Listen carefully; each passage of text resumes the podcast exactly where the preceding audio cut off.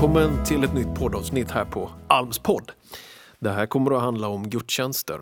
Gudstjänster det angår många kristna väldigt mycket. Vi kan ha alla möjliga uppfattningar om dem. Och jag tänker berätta lite personliga erfarenheter, lite tankar om gudstjänsten utifrån gudstjänstkurvan som jag använder som beskrivning. Och så ska jag faktiskt ge ett par tips på ett par bra låtar att använda i gudstjänster. Så välkommen att hänga med i ett nytt poddavsnitt.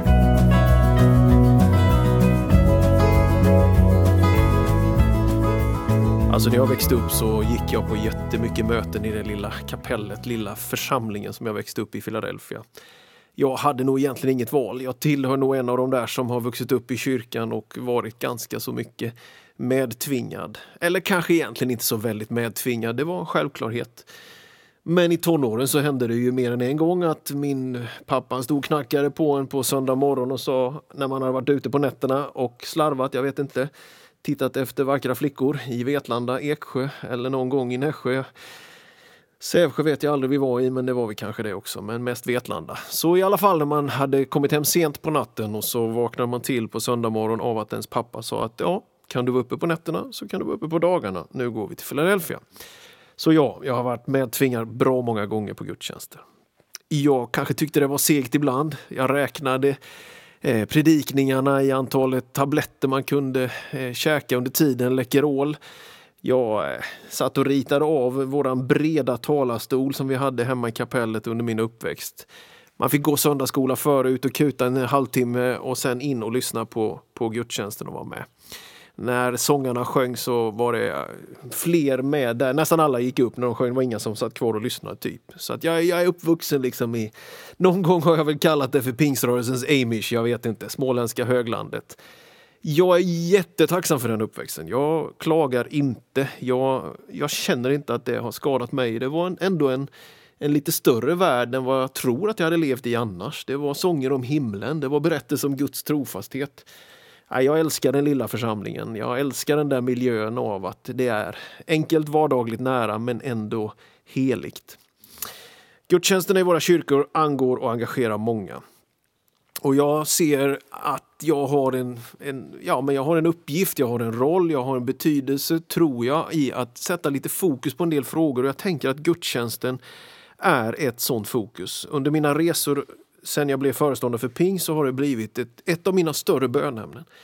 Jag ser så mycket liv och driv, men jag ser också att gudstjänsten blir i vissa miljöer och sammanhang så blir gudstjänsten någonting som är väldigt vant, någonting som är väldigt, väldigt eh, eh lite lagom, lite lättmjölk, lite lätt och lagom, lite ja, det sticker inte ut och det kanske inte heller engagerar så väldigt mycket.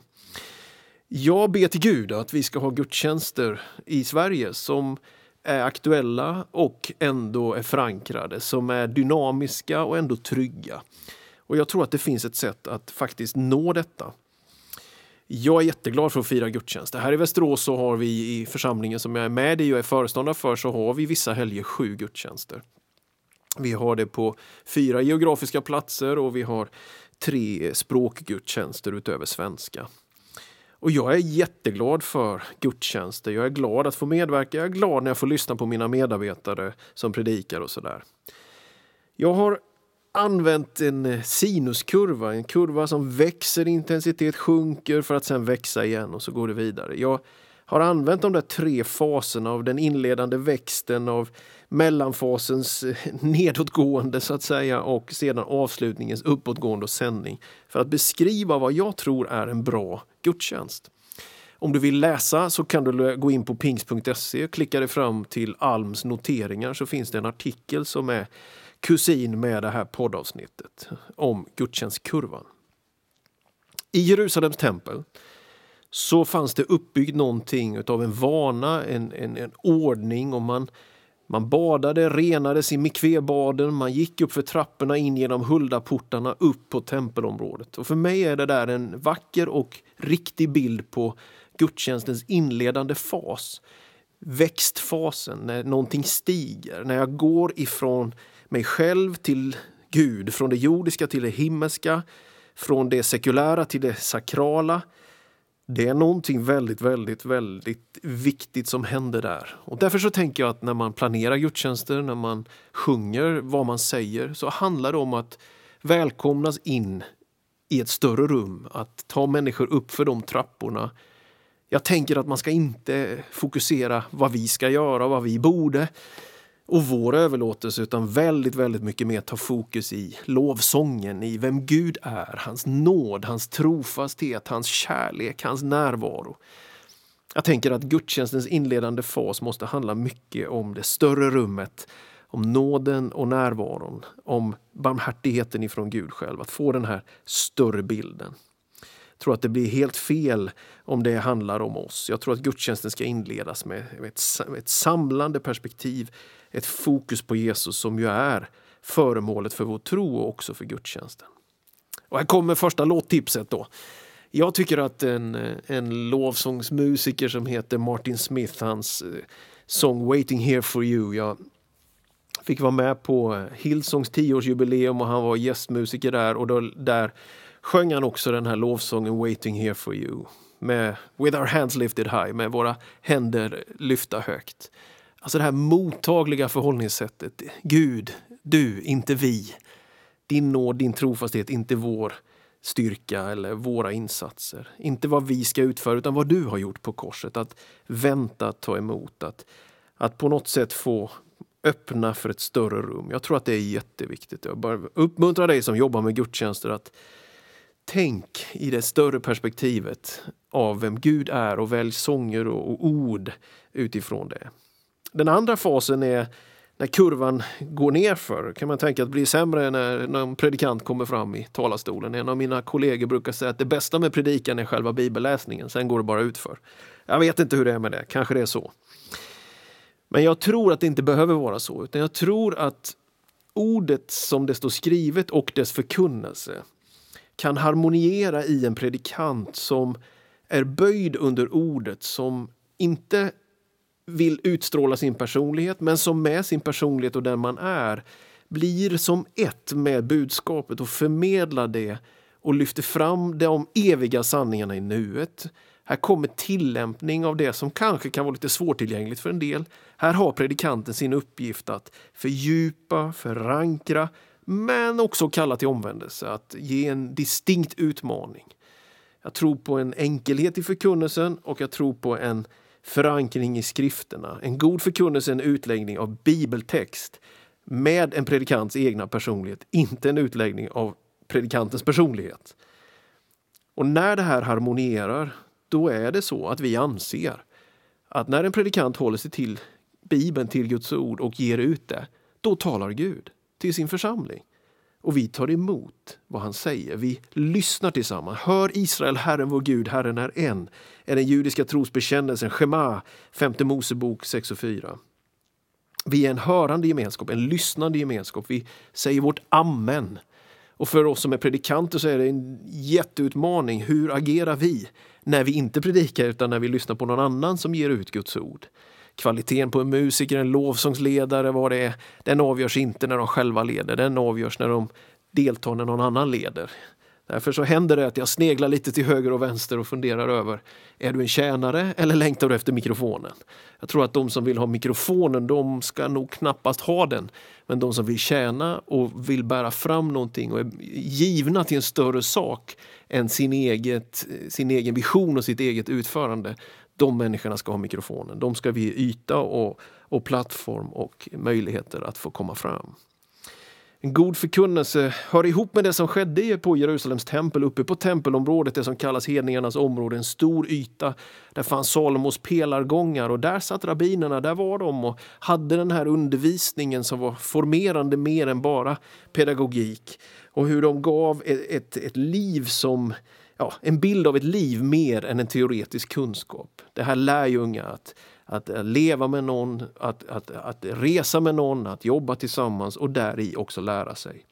Jag längtar efter en förkunnelse som, som inte i första hand är god retorik från Aristoteles med logos, etos och patos, även om det är bra. Jag längtar efter en förkunnelse som är harmonierad med Guds ord, som är underställd Bibeln och som är personifierad och tillämpad allra, allra bäst är en predikan, vad den än handlar om, när den mynnar ut i ett tydligt, tydligt Kristusperspektiv.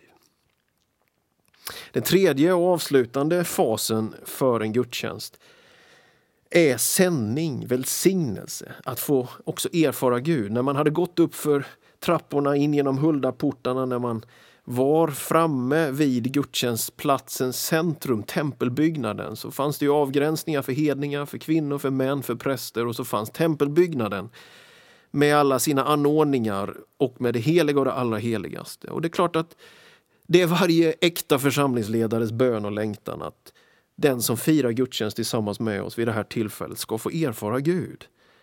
Det är inte en upplevelse i första hand, det är en erfarenhet. Det kan påverka mina känslor, men det är en annan högre andlig substans vi pratar om. Det är gudsmötet. Och Det kanske är inledningen av en gudstjänst under predikan, men ändå det personliga mottagandet kanske har sin allra mest naturliga och tydliga koppling i gudstjänstens avslutning. Det kan handla om att ta emot frälsningen. Det kan handla om att ta emot personlig förbön, ta emot bröd och vin i nattvard. Det kan handla om att någon delar ett profetiskt ord. Vad det än är så är det min bön och min längtan att gudstjänstens avslutande del blir den här vandringen fram till det allra heligaste där vi får erfara Gud. Och sen avslutas gudstjänsten och vi sänds ut med hans välsignelse till vår omvärld. Gemenskapen tar vid, vi umgås med våra vänner i församlingen men vi är också sända ut att tjäna Gud och gå i hans frid. Så jag, jag, jag längtar jättemycket efter en, en fördjupad överlåtelse till gudstjänstfirande.